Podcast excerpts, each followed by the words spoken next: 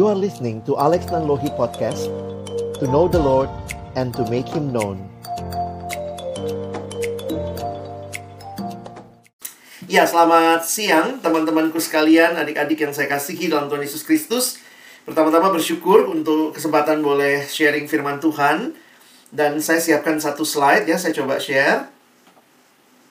Ya, uh, kesempatan ini biarlah boleh jadi kesempatan kita bersama-sama lagi disegarkan. Karena saya juga berpikir uh, mungkin yang saya bagikan ini sesuatu yang teman-teman juga tentunya sudah pahami di tengah-tengah pandemi yang terjadi. Nggak ada dari kita yang sudah ahli melayani dalam pandemi. Kita bisa cerita tentang pelayanan di masa offline, tapi waktu bicara pandemi ya kita semua baru ngalamin ini setahun terakhir. Jadi ya kita mesti melihat, belajar untuk uh, untuk terus punya semangat belajar untuk bisa menyikapi bagaimana pelayanan di tengah pandemi ini secara khusus bagi teman-teman yang saat ini dipercayakan jadi pelayan Tuhan, pengurus di kampus Visit dan Via ya. Nah, saya uh, rindu untuk membagikan bagian ini untuk kita pikirkan bersama dan saya mulai dengan realita bahwa dunia sedang berkembang. Jadi sebelum pandemi pun perkembangan dunia itu begitu cepat. Pelayanan online itu sebenarnya sudah dibicarakan beberapa tahun terakhir tapi memang dalam masa pandemi ini, ini kita kayak dipaksa gitu ya. Kita didesak untuk mau tidak mau harus melakukannya.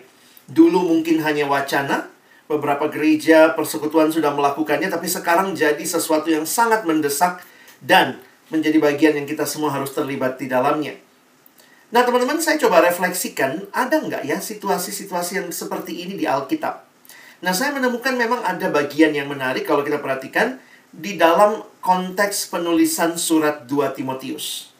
Jadi kalau teman-teman yang baru ikut RK, baru bahas 2 Timotius, saya coba uh, mengulas sedikit apa yang saya coba pahami ada kesejajaran konteks, ya. Jadi mari kita coba memperhatikan kita datang ke abad pertama ketika Paulus menuliskan surat penggembalaan kepada anak rohaninya Timotius, itu sekitar tahun 64 Masehi. Pada saat itu ancaman besar sedang melanda kekristenan di provinsi Asia. Pada waktu itu nama Asia bukan hanya nama benua tapi nama provinsi wilayah kerajaan Romawi. Yang sekarang ini Asia itulah daerah Turki. Pada waktu itu sering kali disebut Asia Kecil atau Asia Minor dengan Efesus sebagai ibu kotanya. Jadi kalau teman-teman perhatikan, ini kira-kira petanya itu Asia, lalu itu Efesus di situ. Nah, Efesus ini kota pelabuhan. Menarik sekali melihat letak Efesus, kota yang strategis sebagai kota pelabuhan pada masa itu. Nah, di tengah-tengah situasi seperti itu, apa yang kemudian saya pikirkan mirip dengan situasi kita, ya? Adalah dua ancaman. Jangan lupa kekristenan pada masa itu sangat-sangat minoritas. Ini baru tahun 64.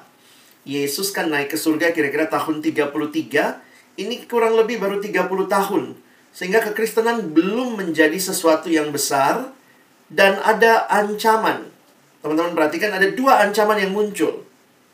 Pertama, ancaman dari luar yaitu ancaman penganiayaan dari pihak orang-orang yang memiliki kebencian terhadap Tuhan Yesus dan para pengikutnya dan kebenciannya tuh justru karena perilaku orang Kristen yang saleh. Lucu ya.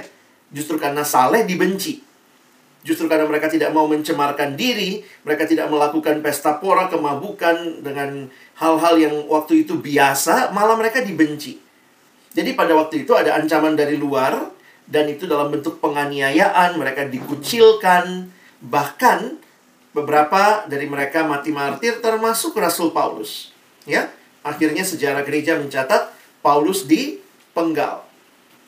Lalu perhatikan, bukan hanya ancaman dari luar, tapi juga ada ancaman dari dalam, yaitu berupa pengajaran-pengajaran yang tidak benar. Ajaran-ajaran sesat yang waktu itu ingin merusak iman orang percaya. Menyedihkannya lagi, ini muncul dari dalam jemaat. Jadi ada orang-orang yang dikatakan kalau kalian nanti membaca 2 Timotius, mereka mengikuti hawa nafsu mereka, mereka tidak mengikuti ajaran yang benar. Nah, jadi saya membayangkan ya, Timotius ada di Asia. Timotius ditinggalkan Paulus ada di Efesus, melayani di jemaat dengan kondisi ada ancaman dari dalam, ada ancaman dari luar, ditambah lagi, ya. Paulus. Paulus yang menulis surat ini, maaf ya, saya dapatnya waktu itu kartun Korea. Jadi Paulusnya pun sipit ya. Paulusnya sipit, nanti uh, Timotiusnya sipit gitu tadi ya kalau udah lihat ya. Nah, jadi ini gambaran pada tahun sekitar 64 masa ini menjelang akhir masa pemerintahan Nero, sang kaisar, Rasul Paulus ditangkap dan harus menjadi penghuni penjara di kota Roma. Nah, coba kita lihat sedikit peta ya. Coba lihat peta ini ya. Lihat Roma sebelah mana? Kiri atas, yang kayak sepatu bola itu ya. Kiri atas itu Roma. Lalu kalian lihat Efesus di tengah. Nah, waktu itu Paulus ditangkap dan dipenjara di Roma Paulus tulis surat 2 Timotius untuk anak rohaninya Timotius yang lagi melayani di Efesus. Timotius melayani gereja Efesus dengan dua ancaman tadi. Dua tantangan tadi. Dari luar ada penganiayaan dan dari dalam ada penyesatan. Nah, teman-teman, ya memang kalau kamu bilang jadi miripnya sama kita apa nih, Bang ya? Bagi saya yang mirip adalah situasi krisis. Memang kalau perhatikan, krisis itu sering kali jadi bagian yang Tuhan izinkan buat gerejanya, buat jemaatnya, buat umatnya untuk juga bertumbuh. Kita di Alkitab paham betul ya bahwa tidak ada janji kalau ikut Tuhan tidak ada pergumulan. Nggak ada janji kalau ikut Tuhan maka semuanya lancar. Nah, di sini kalian bisa perhatikan konteksnya ada pergumulan, ada krisis, tetapi di dalam situasi itu apa yang bisa kita perhatikan? Ada bagian yang Tuhan ingin secara khusus dalam pelayanan tetap dikerjakan. Nah, karena itu bagi saya menarik, Paulus menulis surat ini kepada Timotius anak rohaninya. Kira-kira apa isinya ya? Apakah di dalam situasi sulit, waduh, dari luar, dari dalam, lalu mungkin Paulus kirim surat, tim, tim, tutup gerejanya, tim jadi dalam situasi yang sulit itu, kalau teman-teman perhatikan, apa yang menjadi nasihat Paulus? Bukannya Timotius tutup dulu gerejanya, nanti baru buka lagi gitu ya. Tapi bagi saya menarik ada keyakinan. Jadi saya mau bagikan dua hal hari ini.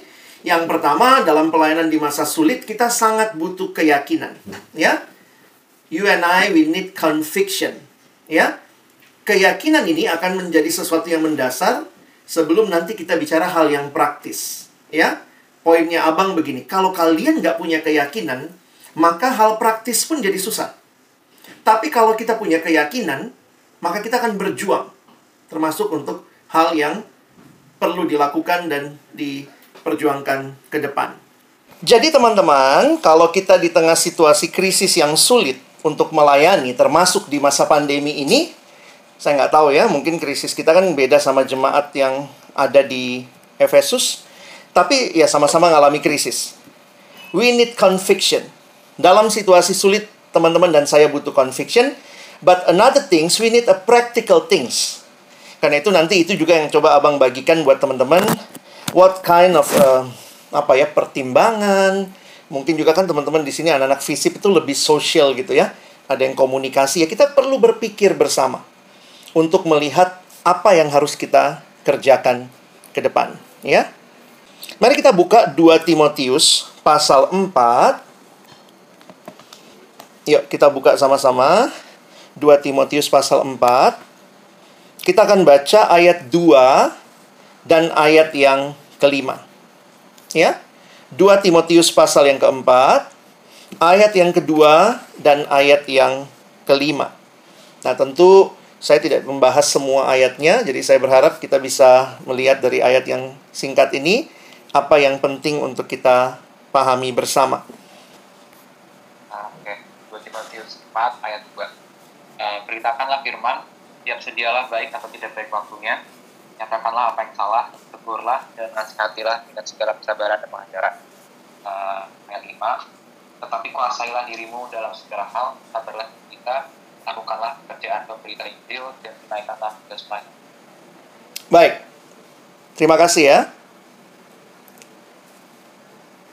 Teman-teman yang dikasihi Tuhan, Kalau kalian perhatikan apa yang Paulus sampaikan kepada Timotius, sekali lagi ini surat yang para ahli, para penafsir mengatakan nampaknya tidak lama setelah Paulus menuliskan surat ini, Paulus meninggal dunia.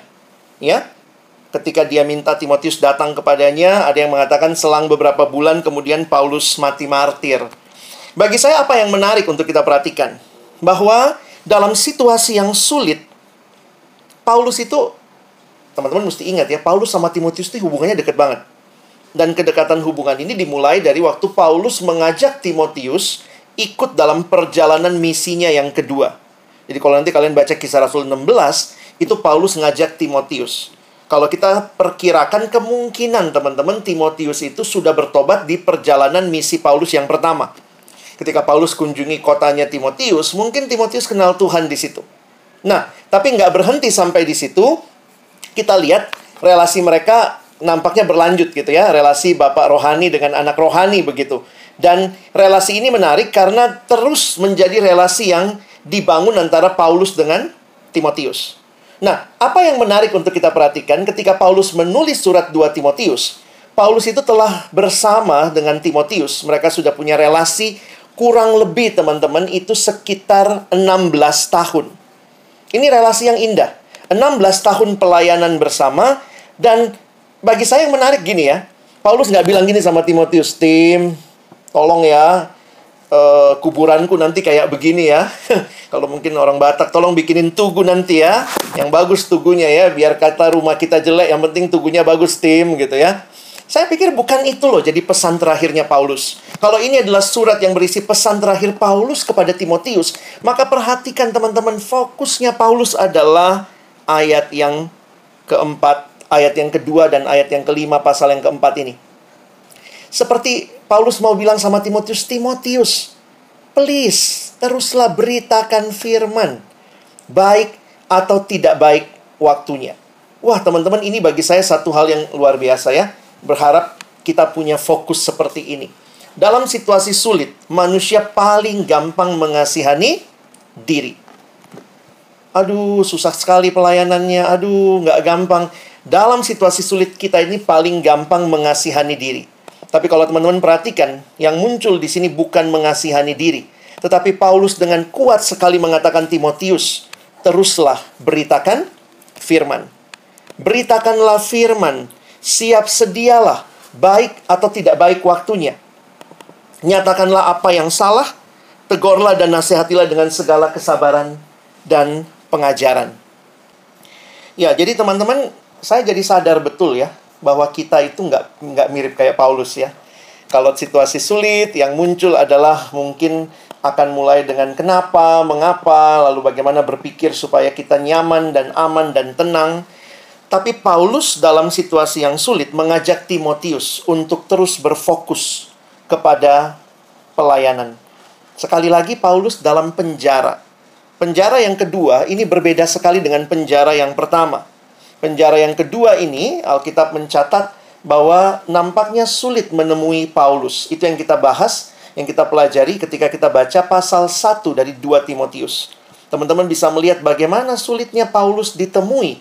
Itu menunjukkan bahwa penjaranya kali ini beda dengan pemenjaraan pertama yang ditulis di akhir daripada surat atau kitab kisah rasul. Di dalam kitab kisah Rasul pasal 28 di bagian terakhir dikatakan bahwa Paulus bisa menerima siapa pun yang datang ke rumahnya. Karena waktu itu statusnya tahanan rumah. Tetapi nampaknya kali yang kedua ini berbeda sekali, ya. Berbeda Paulus ada di dalam situasi yang tidak mudah. Nah, nanti kita perhatikan sebentar ada tiga, ada empat istilah yang muncul, ya. Teman-teman, kalimat yang muncul di ayat yang kedua itu kalimat yang dipakai adalah beritakanlah firman. Nah, di dalam bahasa aslinya itu dipakai istilah heralds of the good news. Jadi, Timotius diminta oleh Paulus untuk melakukan bagian ini, beritakan firman sebagai heralds of the good news. Nah, coba perhatikan sebentar, istilah ini juga sebenarnya Paulus sampaikan tentang dirinya di dalam 2 Timotius 1 ayat yang ke-11. Mari, saya minta kesediaan satu orang. Tolong bacakan. Mungkin uh, minta yang cowok-cowok lah ya, yang karena sedikit cowoknya di sini ya. Tolong Niko, boleh bacain 2 Timotius 1 ayat yang ke-11. Ya, silakan. 2 Timotius 1 ayat yang ke-11. Untuk Injil inilah aku telah ditetapkan sebagai pemberita, sebagai rasul, dan sebagai guru. Perhatikan Paulus menggunakan istilah, untuk Injil inilah aku pun telah ditetapkan menjadi pemberita. Nah, jadi kalau teman-teman perhatikan, bahwa Paulus sendiri menyadari dirinya adalah pemberita. Dan ketika di masa yang krisis, bagi saya menarik, Paulus menawarkan status yang sama untuk Timotius. Apa yang Paulus sampaikan sama Timotius? Dia mengingatkan, Timotius, kamu pun dipanggil menjadi hal yang sama, yaitu untuk menjadi pemberita. Teman-teman, di sini jadi menarik untuk kita perhatikan. Kita dalam situasi krisis butuh keyakinan kita dipanggil untuk memberitakan kebenaran. Dan saya pikir teman-teman yang mengambil bagian, menjawab panggilan untuk jadi pengurus saat ini. Teman-teman, krisis ini bukan membuat kita stop, tapi krisis ini juga membawa kita menyadari status yang Tuhan berikan kepada kita adalah sebagai pemberita. Dan apa yang menjadi hal yang menarik tentang pemberita ini? Bagi saya ketika Paulus mengatakan tentang pemberita ini, teman-teman perhatikan baik-baik apa yang Paulus sampaikan. Ada empat ciri yang harus menyertai pemberita ini. Ya, ada empat ciri yang menyertai pemberita ini. Yang pertama, pemberita ini harus sadar betul bahwa berita yang disampaikannya adalah berita yang sifatnya urgent, mendesak. Itu yang kita baca di ayat yang kedua tadi. Beritakanlah firman. Siap sedialah, baik atau tidak baik waktunya. Istilah yang digunakan di dalam bahasa Inggris, kalau teman-teman perhatikan, adalah in season and out of season. Nah, itu istilah yang digunakan bahwa haruslah Injil itu diberitakan. Ini berita yang urgent. Teman-teman kalau saya perhatikan, kenapa ini urgent? Kenapa ini penting sekali? Karena kalau kalian perhatikan, berita inilah yang akan membawa hidup atau mati. Ini bukan sekedar berita biasa, tetapi berita yang di dalamnya menentukan keselamatan manusia. Krisis bukanlah membuat kita stop beritakan Injil. Tapi justru kita didorong untuk benar-benar beritakanlah berita yang kekal itu. Boleh minta satu lagi untuk membaca 2 Timotius 1 ayat 1. Jonathan William boleh tolong 2 Timotius 1 ayat 1. John Will silakan. 2 Timotius 1 ayat 1 dari Paulus, Rasul Kristus Yesus oleh kehendak Allah untuk memberitakan janji tentang hidup dalam Kristus Yesus. Wah, saya kagum banget gitu waktu membaca ini, melihat Paulus menggunakan istilah memberitakan janji tentang hidup. Wih, teman-teman, kalau jualan, kamu misalnya jualan, lalu jualanmu itu adalah sesuatu yang bisa bikin orang hidup, gitu ya. Wah, itu luar biasa sekali bagi saya. Kalau teman-teman menghayati ya, ini janji tentang hidup loh. Ini bukan sekadar berita biasa. Kalau orang berjuang supaya bisa hidup, ini janji tentang hidup. Saya pikir di sinilah kita harus terbuka dan melihat ya anugerah Allah yang luar biasa.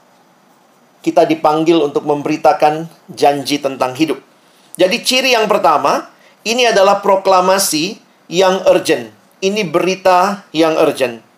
Yang kedua, kalau kalian perhatikan ciri yang muncul, ini adalah berita yang relevan.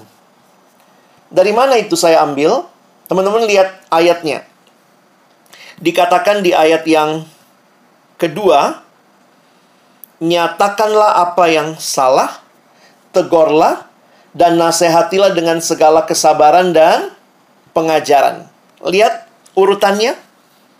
Gimana kalian mengerti urutan ini? Kalau kita perhatikan, ada orang yang mungkin saat itu sedang di dalam pengajaran yang salah. Maka beritakanlah firman supaya mereka tahu apa yang salah. Kalau mereka lagi hidup dalam dosa, apa yang mesti disampaikan? Tegur. Tegurlah mereka. Kalau mereka lagi di dalam pergumulan, mungkin lagi kehilangan semangat, maka bahasa Inggris menggunakan istilah correct, rebuke, and encourage. Bahasa Indonesia menggunakan istilah nasihat. Nasehatilah. Teman-teman, saya melihat begini.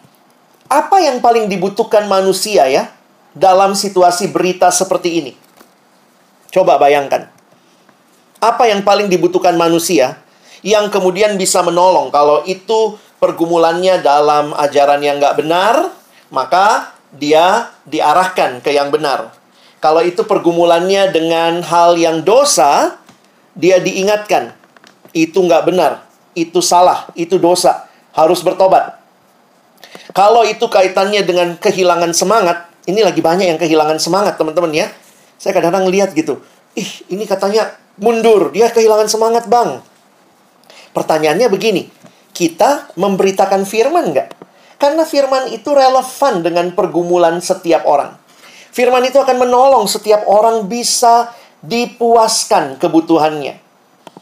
Jadi, di sinilah saya melihat tetap butuh berita yang relevan. Teman-teman, jangan berhenti memberitakan firman. PO Visip Via, jangan berhenti memberitakan kebenaran. Teruslah di tengah situasi yang tambah sulit ini orang tambah butuh berita itu. Jadi saya harap kita tidak jadi orang-orang yang merasa ya sudahlah, nggak usahlah berita itu, kita jadi pengurus juga ya ini pengurus masa seperti ini, ya kita biasa-biasa aja. Saya pikir tidak. Mari belajar dengan mengandalkan kuasa Tuhan.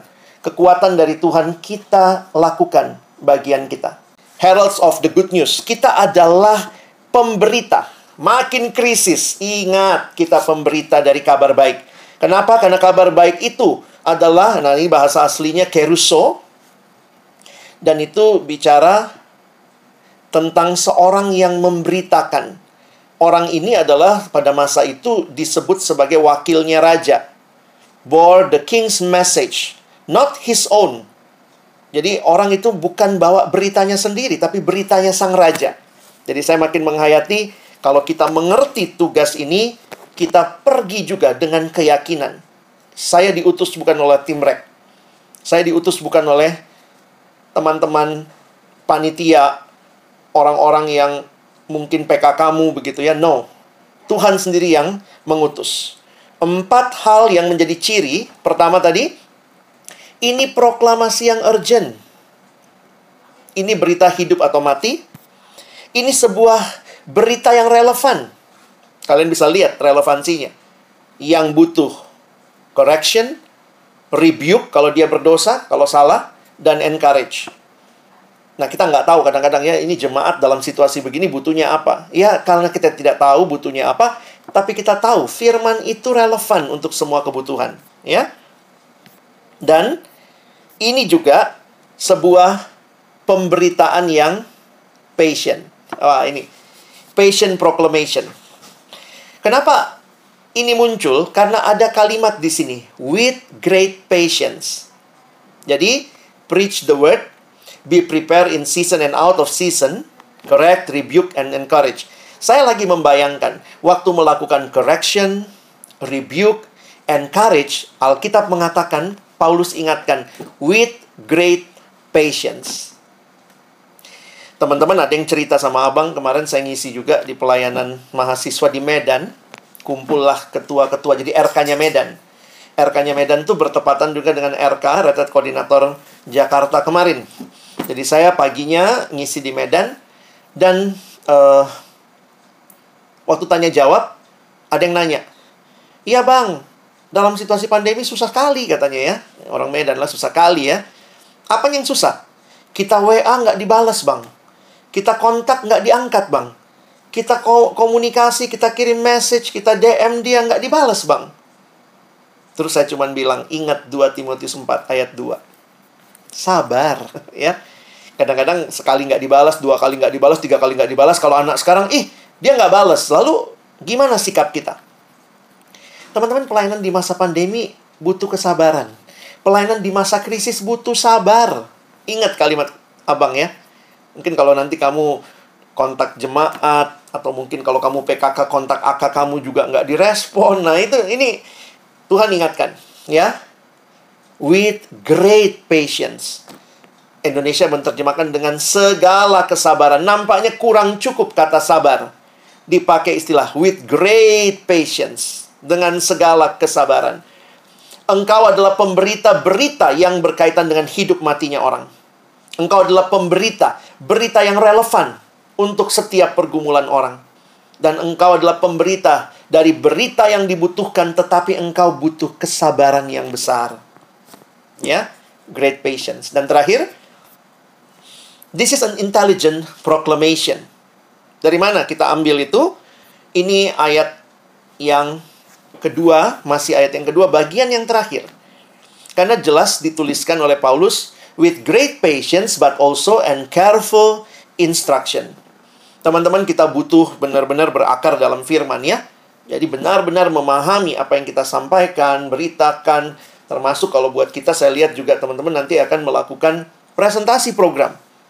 Hal-hal yang kalian sudah pikirkan, kalian siapkan. Nah, mari kita melihatnya jadi sesuatu yang menyatu. Jadi saya kutip kalimat John Stott dalam menafsir ayat ini, dia simpulkan. Such is Paul's great uh, Paul's charge to Timothy.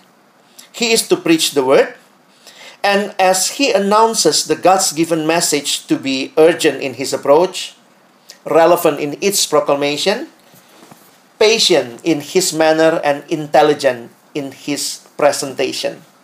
Wah, krisis tidak menghentikan kita jadi orang-orang yang melakukan bagian pemberita Injil. Paulus beberapa bulan lagi akan meninggal dia bukan bilang persiapkan kematianku nanti pestanya kayak apa, buat tugunya di mana. Tapi bagi Paulus, betapa pentingnya berita Injil sehingga berita ini dia teruskan. Dia ingatkan, Timotius, kamu sekarang pemberitanya. Nah, teman-teman, ayat yang kelima ini lebih berkaitan dengan diri. Ya, kuasalah dirimu dalam segala hal, sabarlah menderita. Ada lagi kata sabar di sini ya lakukanlah pekerjaan pemberita Injil muncul lagi kerux di situ pemberita Injil dan tunaikanlah tugas pelayananmu. Jadi kalau kita simpulkan ayat 2 dan 5, saya coba simpulkan dengan apa yang John Stott sampaikan. Beritakanlah firman. Pertama, pada segala kesempatan. Kedua, dalam segala kebenaran. Dan ketiga, dengan segala usaha. Wah, ini perlu nih sikap seperti ini dalam masa krisis penting sekali. Karena kalau teman-teman cepat menyerah, belum apa-apa sudah menyerah, ya sulit juga. Apa hal praktis yang perlu kita pahami? Bagi saya beberapa hal praktis dalam situasi krisis, waktu itu juga kekristenan kan belum jadi agama yang cukup luas, maka ada beberapa hal yang saya mau bagikan kepada teman-teman untuk bisa jadi refleksi kita juga. Pertama, Paulus tuh melayani strategis. Jadi Paul's mission strategy, perhatikan, ketika Paulus melayani pada masa itu, dia cukup lama tinggal di Efesus, ya. Nah, perhatikan ini yang dituliskan tentang pelayanan Paulus di Efesus.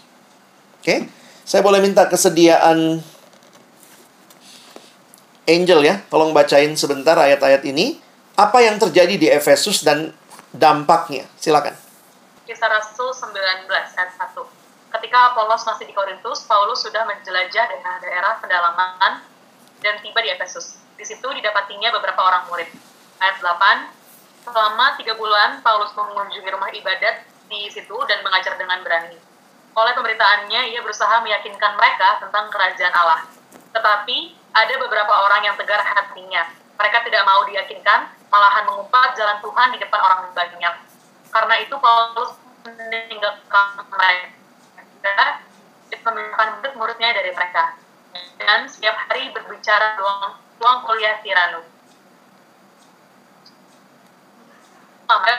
Asia mendengar firman Tuhan, baik orang Yahudi maupun orang Yunani.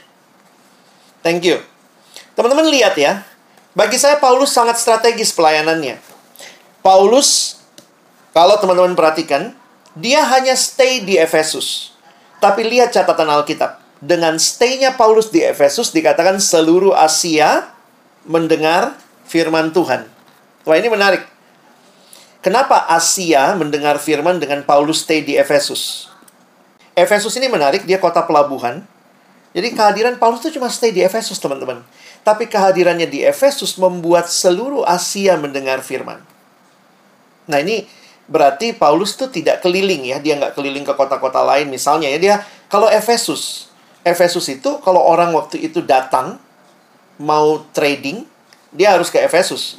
Di Efesus ini mereka kan nggak jadwal kapal kan nggak kayak kita sekarang ya jelas hari ini masuk kapal jam segini nanti mengangkut. Sehingga mereka tuh butuh stay lama di Efesus untuk tunggu kapal datang kapal berangkat. Paulus pinter ya dia buka kuliah.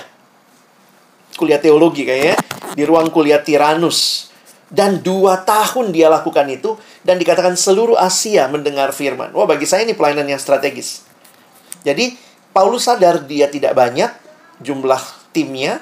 Kalau dia keliling mungkin akan capek juga. Dia strategis. Dia tinggal di Efesus. Karena itu misalnya Kolose. Kota Kolose itu Paulus belum pernah ke Kolose, teman-teman. Tapi kenapa dia tulis surat Kolose?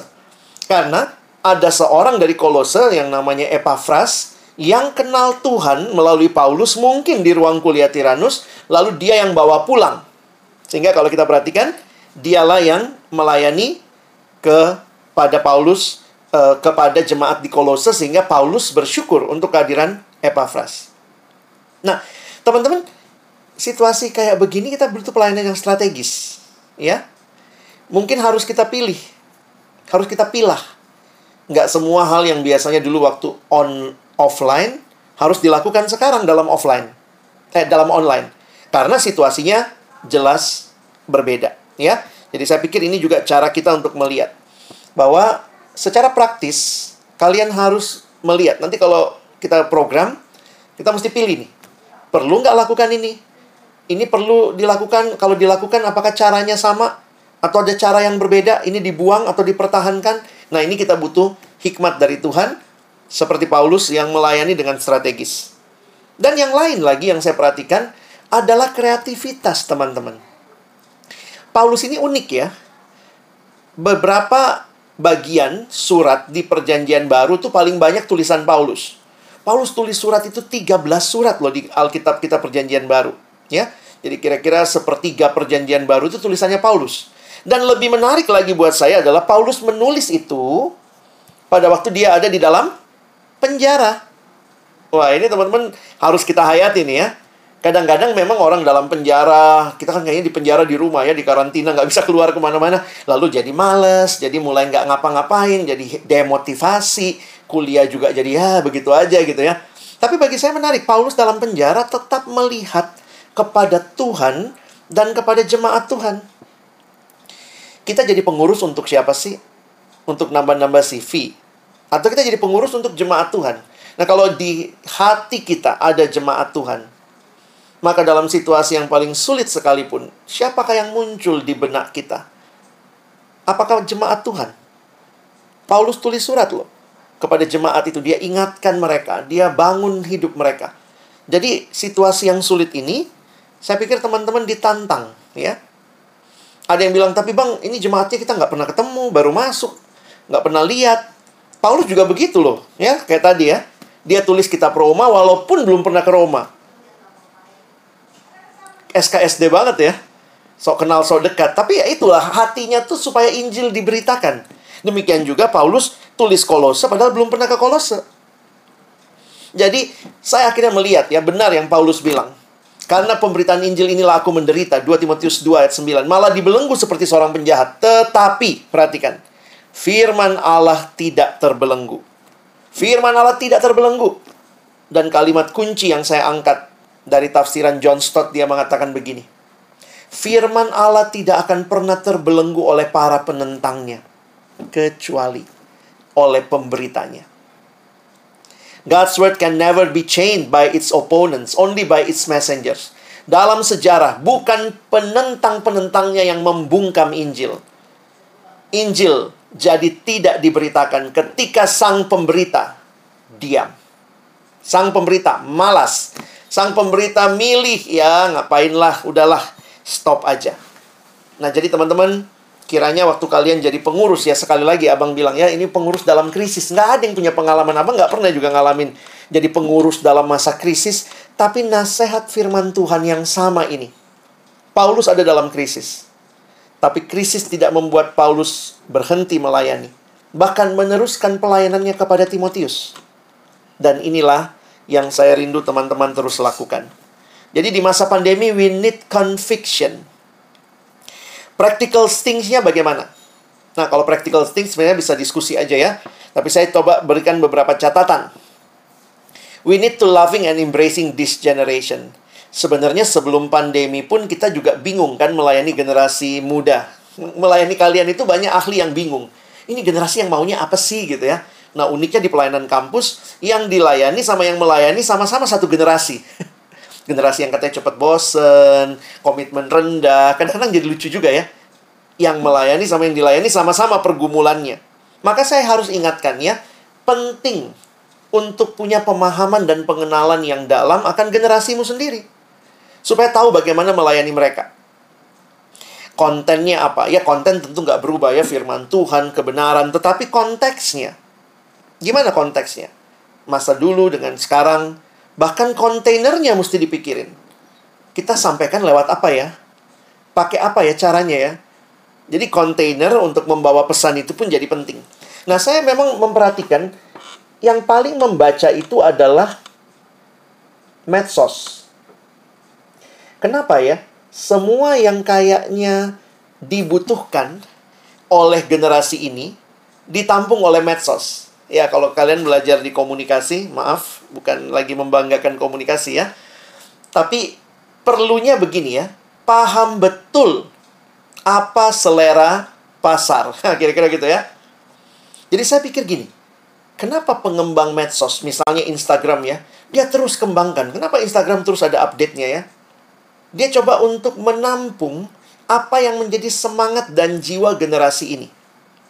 Makanya disukai. Ya. Contoh nih, ya. Ini kan disebut epic generation. Kalian itu secara umum katanya epic generation. Yang diharapkan itu bukan cuma tahu, tapi ngalamin. Lalu kemudian ada partisipatori, maunya terlibat. Makanya lihat ya, bikin story Instagram bisa ngetek temen, bisa bikin pertanyaan. Jadi orang tuh nggak cuma baca informasi, oh ada begini-begini. Tapi diajak, yuk kasih komen. Ini generasi yang senang partisipatori. Kalau kalian bikin PJ, mesti pikirin tuh. Satu jam orang cuma datang duduk dengar, satu orang ngomong. Maka biasanya mungkin kita bilang, halo teman-teman, apa kabar? Silahkan chat dong di kolom chat. Apa makanan kesukaan dari tadi? Tri nanyanya makanan mulu ya. Makanan kesukaannya apa gitu ya. Tadi Angel semua orang yang masuk ditanya udah makan siang belum gitu ya. Ya jadi itu sesuatu yang mungkin jangan bilang oh cuman basa-basinya anak PO. Enggak. Kita menghayati ini nih generasi yang butuh terlibat. Jadi kalau kita mau memikirkan, saya pikir ya kita bisa lihat. Paling gampang lihat multimedia, lihat media sosial. Semua yang diharapkan itu di medsos kelihatan. Image driven. Sekarang pakai emoticon. Ini generasi yang katanya satu hari itu sekian juta emoticon dikirim. Kadang-kadang nggak bales ya ditanya, apa kabar? Emot doang, ya. Jadi mungkin kita bisa pakai itu untuk sharing. Abang pernah pimpin sharing ya. Anak siswa nih. Wah, lebih pusing lagi. Ayo, Dek. Apa yang kamu alami? Apa yang kamu rasakan di masa-masa pandemi ini? Diam semua. Silakan di live chat. Tolong ya tulis ya. Diam semua. Akhirnya saya bikin emoticon. Saya bilang, pilih. Mana emoticon yang paling mewakili perasaanmu? Begitu ditampilkan, emotnya langsung, wah saya nomor ini bang, saya nomor ini gitu ya. Iya ya, anak sekarang mengekspresikannya bukan dengan kata-kata, tapi dengan emot. Begitu emotnya dia tahu, dia pilih gambar nangis, baru saya tanya, kenapa itu yang kamu pilih? Wah, baru dia dia sharing. Jadi tetap sih sharing, tetapi kita mesti membaca ini generasinya kayak apa nih. Teman-teman harus harus memikirkan cara-cara yang kontekstual dengan generasi ini. Kalian aja kan nggak suka satu arah, maunya ada respon, misalnya begitu ya. Dan ini generasi yang connected. Makanya itu tag-tagan. Jangan lupa ya nge-tag gue ya di Instagram ya. Mention gue ya, gitu-gitu ya. Kenapa? Ini generasi yang experiential, mau pengalaman, partisipatori, maunya contribute, terlibat, di drive dengan image, dan terhubung. Nah, jadi saya lagi pikir gini, gimana ya bikin kelompok kecil yang epic? Nah, kira-kira gitu tuh, mesti dipikirin tuh. Nah, mungkin kan waktu bikin program, kalian ya udah bikin lah programnya ya. Tapi nanti dalam penyajiannya pikirin gimana supaya itu jadi pengalaman. Makanya biasanya uh, kita tanya ya habis habis PJ misalnya. Teman-teman tadi belajar apa? Tapi kalau kita cuma tanya belajar apa, mungkin orang juga sharingnya juga bingung gitu. Mungkin kita perlu mengubah pertanyaan supaya jadi experiential. Emang gimana tuh caranya? Wah itu anak komunikasi jagonya lah ya. Jadi belajar tuh bikin pertanyaan yang experiential. Jika Anda ada dalam situasi seperti Daud yang dibahas di PJ tadi, jadi bawa mereka masuk ke dalam experience. Kalau kamu dalam jadi saya agak melihat pertanyaan malas itu gini. Apa yang Anda dapat dari PJ hari ini? Sharingkan. Itu jujur aja pertanyaan yang hanya mengulas fakta. Kamu mau anak itu untuk mengulang lagi isi khotbah tadi? Saya pikir sih bukan itu. Kita maunya dia bisa merelate buat hidup dia. Makanya belajar bikin pertanyaan experiential. Kalau Anda dalam situasi seperti Daud dikejar-kejar oleh musuh, Kira-kira apa yang Anda akan lakukan? Apakah Anda juga akan berharap kepada Allah? Jadi, bawa itu jadi experience mereka. Itu mereka bakal ingat. Nah, ini gimana bikin PJ yang experiential, participatory, image driven, connected, gimana bikin kelompok kecil yang epic, bagaimana bikin PD yang epic. Tentu bukan berarti ini semua cuma sekadar variasi ya. Pokoknya tiap kali tiap kali PJ eh, image image nggak juga. Mungkin kita bisa gantian. Kali ini kita fokus kepada experiential. Tapi maksudnya abang, kita benar-benar memikirkan. Karena ini generasi yang seperti itu. Nah, jadi teorinya kira-kira seperti itu ya. Saya terus berpikir, karena orang pada nanya, pada malas datang PJ. Kenapa juga ya? Tentu kan kita nggak bilang, wah firman Tuhan nggak nggak guna lagi nih, orang nggak mau dengar lagi. Tapi waktu firman Tuhan disampaikan, bagaimana kita mengemasnya? Mungkin itu juga jadi masalahnya. Jadi perlu keyakinan, firman harus diberitakan, tapi secara praktis kita kenal generasi ini. Belum lagi ini generasi yang ada dalam situasi krisis pandemi. Kiranya kita lebih peka, ya. Nah, mungkin hal terakhir yang abang ingin ingatkan, saya lewatin lah ya. Ini semua penjelasan saya udah jelasin tadi. Teman-teman, saya ingin ingatkan tentang hal ini, ya ketika buku ini diterjemahkan, bukunya judulnya Connecting uh, the Passion Generation, ditulis oleh pendeta milenial namanya Grant Skeldon. Ini pendetanya nih ya, hebat dia pakai tato gitu ya. Kalau di gereja kita mungkin nggak boleh jadi pendeta ya, tatoan begitu. Dia nulis buku, kami terjemahkan dengan judul Generasi Penuh Hasrat. Kenapa saya angkat buku ini, teman-teman? Saya pikir ada hal yang dia ingatkan dia memang membahas bagaimana generasi milenial sering kali disepelekan dalam gereja, nggak dianggap, dianggap cuma pembuat masalah. Lalu kemudian dia bilang begini, kamu tahu isu benernya apa? What is the real issue? Dia bilang gini, the church doesn't have a millennial problem, it has a discipleship problem. Wah, ini ini benar-benar mencerahkan saya. Kadang-kadang kita pikir, iya nih, gimana menjangkau generasi milenial, gimana kita cara bikinnya kreatif segala macam.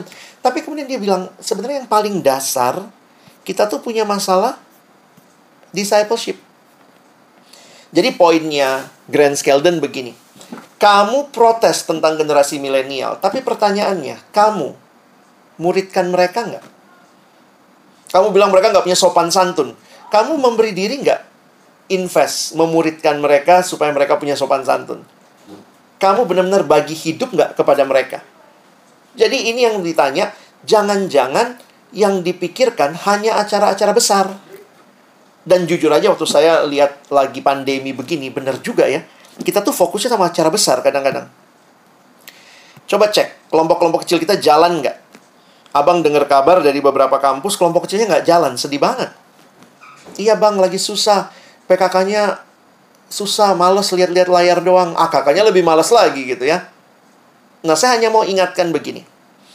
Sebagaimana offline, kekuatan tulang punggung pelayanan kita adalah pemuridan, maka ingat, di masa online ini pun perjuangkan pemuridan.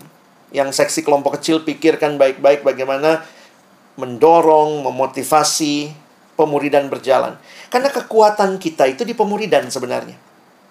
Ya, bukan sekadar pertemuan besar. Nah, saya tutup dengan gambar ini ya. Dia kasih gambaran.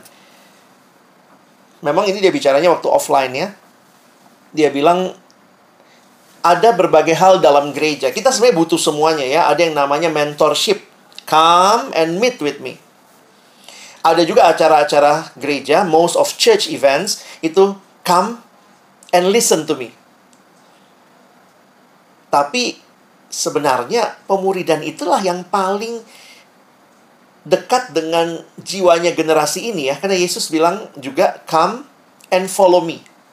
Saya harap kelompok kecil itu bukan jadi kelompok yang come and meet with me kayak les ya. Datang minggu ini belajar, pulang. Minggu depan datang lagi, belajar, pulang.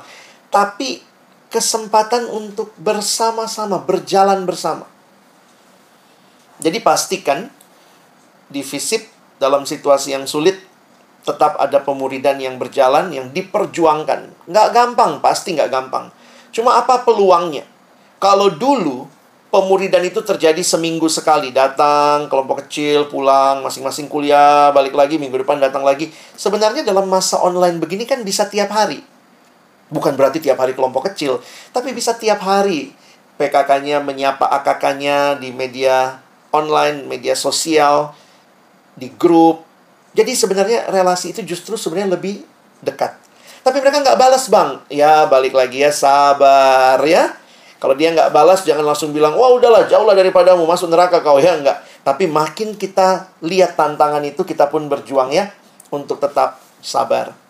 Nah, ini yang saya rindukan sehingga nanti waktu kalian mendiskusikan lebih jauh pelayanan di masa pandemi ya itu yang Abang titipkan ya. Pikirkan generasi apa yang kau layani, mereka epic generation, kamu pun epic generation dan belajar untuk prioritaskan pemuridan. Jadi saya nggak terlalu nggak terlalu bangga lah. Wah, kalau kita PJ Bang sekarang 120 yang hadir. Saya mau tanya, kelompok kecilnya jalan nggak? Ya, langsung Angel bilang nggak sampai juga bang 120 nggak segitu ya. Iya nggak sih. Cuma poinnya kan gini kelompok kecil jalan nggak? Kenapa? Kita cari pengurus dari kelompok kecil. Kita berjuang untuk membangun pemuridan. Jadi kalau acara besarnya wah wah visip bikin PO visip via bikin webinar dengan pembicara luar biasa ya siapa pendeta siapa yang hebat sekali yang datang 250 dari SUI datang pemuridannya jalan nggak Jangan sampai kita terlena karena begitu ini semua berakhir, saya pikir intinya sama. Murid yang kembali memuridkan. Kiranya dalam situasi sulit pun teman-teman berjuang ya. Baik, terima kasih. Bang, aku boleh deh. Iya, gimana Jel? Dari itu nggak ada. Sebenarnya uh, ini pergumulan aku sih waktu jadi pengurus tahun-tahun sebelumnya, mm -hmm. kan karena aku kan di acara.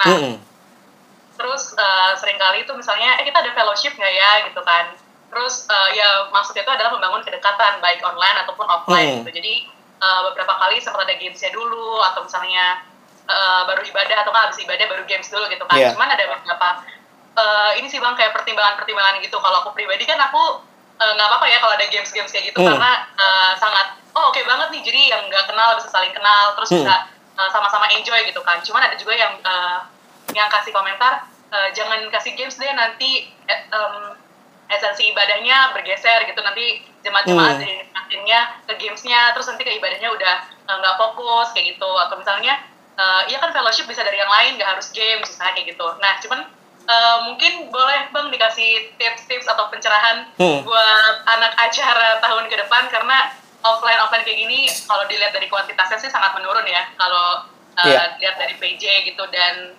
uh, ya gitu sih bang pertimbangannya. Hmm, hmm. Oke, okay, thank you bang. Thank you dek. Ya, saya pikir sih begini ya. Uh, kita juga kayak gini ya, situasi ini mengajarkan kita untuk melihat pelayanan itu fokusnya memang juga bukan kepada jumlah. Kayak Tuhan bilang gini, kalau yang datang satu, kau layani nggak? Jadi kayak Tuhan kayak ingetin kita untuk lihat uh, memang yang paling penting adalah kesetiaan pada akhirnya. Nah, tapi buat kita, apalagi buat kalian yang mungkin belajar komunikasi, ya, belajar sesuatu yang bisa menggerakkan orang, psikologi, itu kan sesuatu yang juga bisa kita perjuangkan. Apalagi kita punya ilmunya, kan? Kita punya ilmunya, jadi abang lihat sih, uh, silakan lakukan apa yang bisa dan baik dilakukan. Tentu mungkin, ya saya setuju juga kalau dibilang kan tidak hanya dengan permainan, fellowship. Tapi ya salah satu untuk fellowship ya permainan, mau gimana juga. Jadi Jangan dibolak-balik lalu akhirnya nggak usah permainan. Kan bukan cuma permainan. Dianggap permainan kayaknya. Karena gini loh, kekristenan ini suka ngelihat kalau fun itu, fun dalam arti yang yang gembira, itu kurang rohani. Itu dari mana itu konsep itu ya? Kalau terlalu fun itu nanti hilang esensi dan segala macam.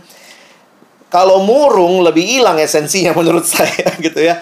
Mungkin kalau itu my preference lah. Nah, cuma begini. Saya nggak tahu di visip kayak apa visip via ya, tapi saya dapat kabar begini Kalian bisa konfirmasi. Katanya memang PJ menurun di banyak fakultas ya. Karena itu katanya ya awal-awal kan orang masih mau lihat ibadah online kayak apa. Wih banyak yang datang. Terus anak baru terperangkap kan. Masih bodoh-bodoh gitu. Kayak mana ya ibadah di visip. Ikutlah dia. Begitu udah ikut, ya kayak gitu doang. Nah, semester berikutnya turun tuh. Nah, cuma katanya di beberapa kampus ada yang naik. Yang naik itu persekutuan doa. Saya nggak tahu, bener nggak?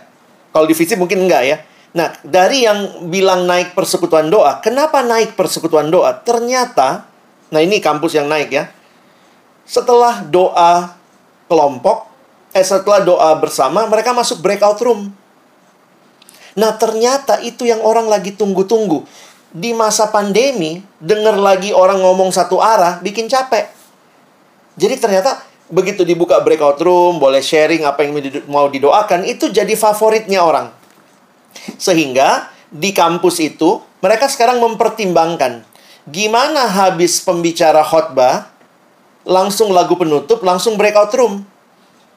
Karena orang tuh butuh ngobrol, itu asumsi yang mereka dapat dari dari situasi yang dia alami di kampusnya.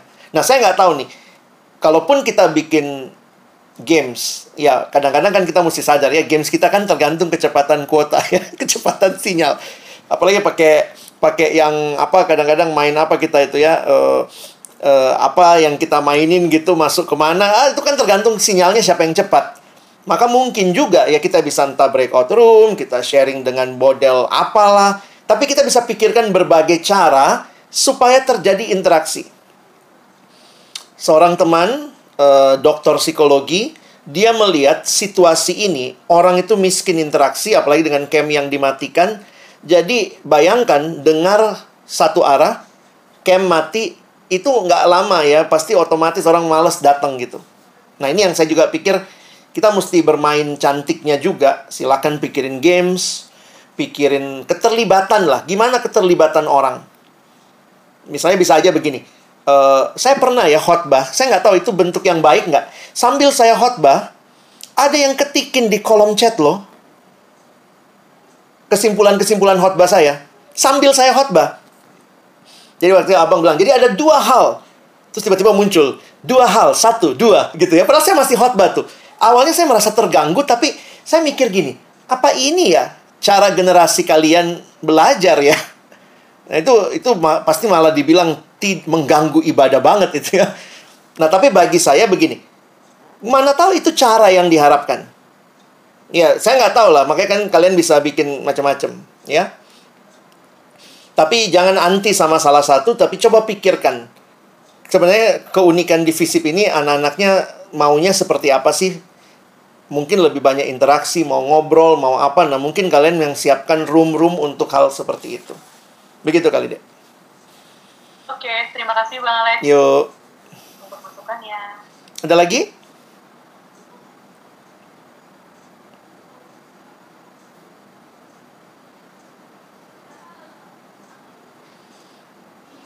Mungkin satu masukan lagi. Khusus buat seksi acara atau apalah ya. Jadi kemarin di Medan pada nanya juga gitu. Uh, jadi menurut abang bagaimana ini? Perubahannya kan cepet banget bang. Saya bilang nih, saya bilang mungkin ya. Kadang-kadang saya berpikir kita belajar juga dari startup ya. Bukan drama Korea startup, tapi startup. Teman-teman, waktu saya ikut satu pelatihan dan waktu itu bicara tentang startup, dia bilang gini, sebenarnya ilmu manajemen ya kalian yang administrasi bisa pikirin lah ya ilmu manajemen modern yang membuat ya kita kan kadang gitu ya eh, program setahun itu sekarang itu nggak laku katanya. Karena bikin program setahun itu mematikan interupsi-interupsi di era disruption yang banyak disruptionnya. Jadi di beberapa industri khususnya startup itu kadang nggak punya long term tujuan goal. Goalnya itu per tiga bulan per bulan. Jadi per bulan itu bisa berubah. Nah, saya pikir juga ya mungkin itu juga jadi pertimbangan kita. Kasih space. Mungkin kalian bilang, ya kita bikin PJ mingguan, Bang. Tapi mungkin biarkan aja ada satu minggu yang agak open tuh. Atau misalnya tiga bulan sekali, seminggu tuh, jangan cepat-cepat tentukan temanya. Ikutin aja perkembangannya orang lagi butuh mau tahu apa. Jadi akhirnya kita tuh up to date kita bukannya PJ uh, eh, PO yang ketinggalan, kita masih ada di satu abad yang lalu gitu ya. Sementara ini per perubahannya cepat. Jadi tetap oke okay lah kita bikin long term goal segala macam, tetapi kita terbuka untuk fleksibilitas karena ini eranya kayak begini nih. Mana tahu di tengah-tengah kalian lihat, waduh ini orang sudah mulai demotivasi semua nih. Ah, bikin temanya uh, apa kek misalnya begitu. Ya udah, kita bikin Pembicaranya mungkin cari yang yang mungkin juga nggak usah pakai pembicara di antara kalian, sharing time atau apa. Tapi kita bisa membaca jemaat kita bukan per tahun, terlalu jauh. Kita bacanya per bulan. Nah, mana tahu wah, ada bulan depan ada satu bunuh diri gitu ya, dua bunuh diri. Kenapa? Karena ini situasi sangat menekan. Jadi jangan bilang, oh maaf, kami nggak bisa bahas tema bunuh diri. Itu tidak ada dalam program tahunan kami. Terbukalah untuk fleksibilitas. Karena ini generasi yang sangat cepat berubah. Ya, nggak tahu tuh masuk teori manajemen nggak itu? manajemen disruption, bikin skripsimu itu. Oke, thank you bang. Okay. Semangat acara. Yeah. Oke, okay, kalau nggak ada nggak apa-apa nanti abang tutup doa biar kalian bisa lanjut kali ya. Yuk kita berdoa. Tuhan, terima kasih buat kesempatan sharing firman di tengah keterbatasan sinyal yang tidak terlalu baik. Tapi biarlah setiap kebenaran yang disampaikan boleh menolong adik-adikku dalam situasi krisis yang sulit ini. Tetap punya keyakinan. Dan dalam keyakinan memberitakan Injil, mereka pun berjuang secara strategis, secara kreatif, secara benar-benar melihat juga pemuridan jadi bagian penting yang tidak boleh ditinggalkan bahkan di saat seperti ini. Kami terus berdoa, tolonglah POV Sipvia ke depan boleh tetap menjadi alat Tuhan, membawa banyak mahasiswa mengenal Tuhan dan bertumbuh di dalam Tuhan. Kami bersyukur buat waktu ini berkati adik-adikku dalam waktu selanjutnya dan bahkan retret sampai Sabtu nanti semuanya Tuhan pimpin. Kami bersyukur berterima kasih dalam nama Yesus kami berdoa. Amin.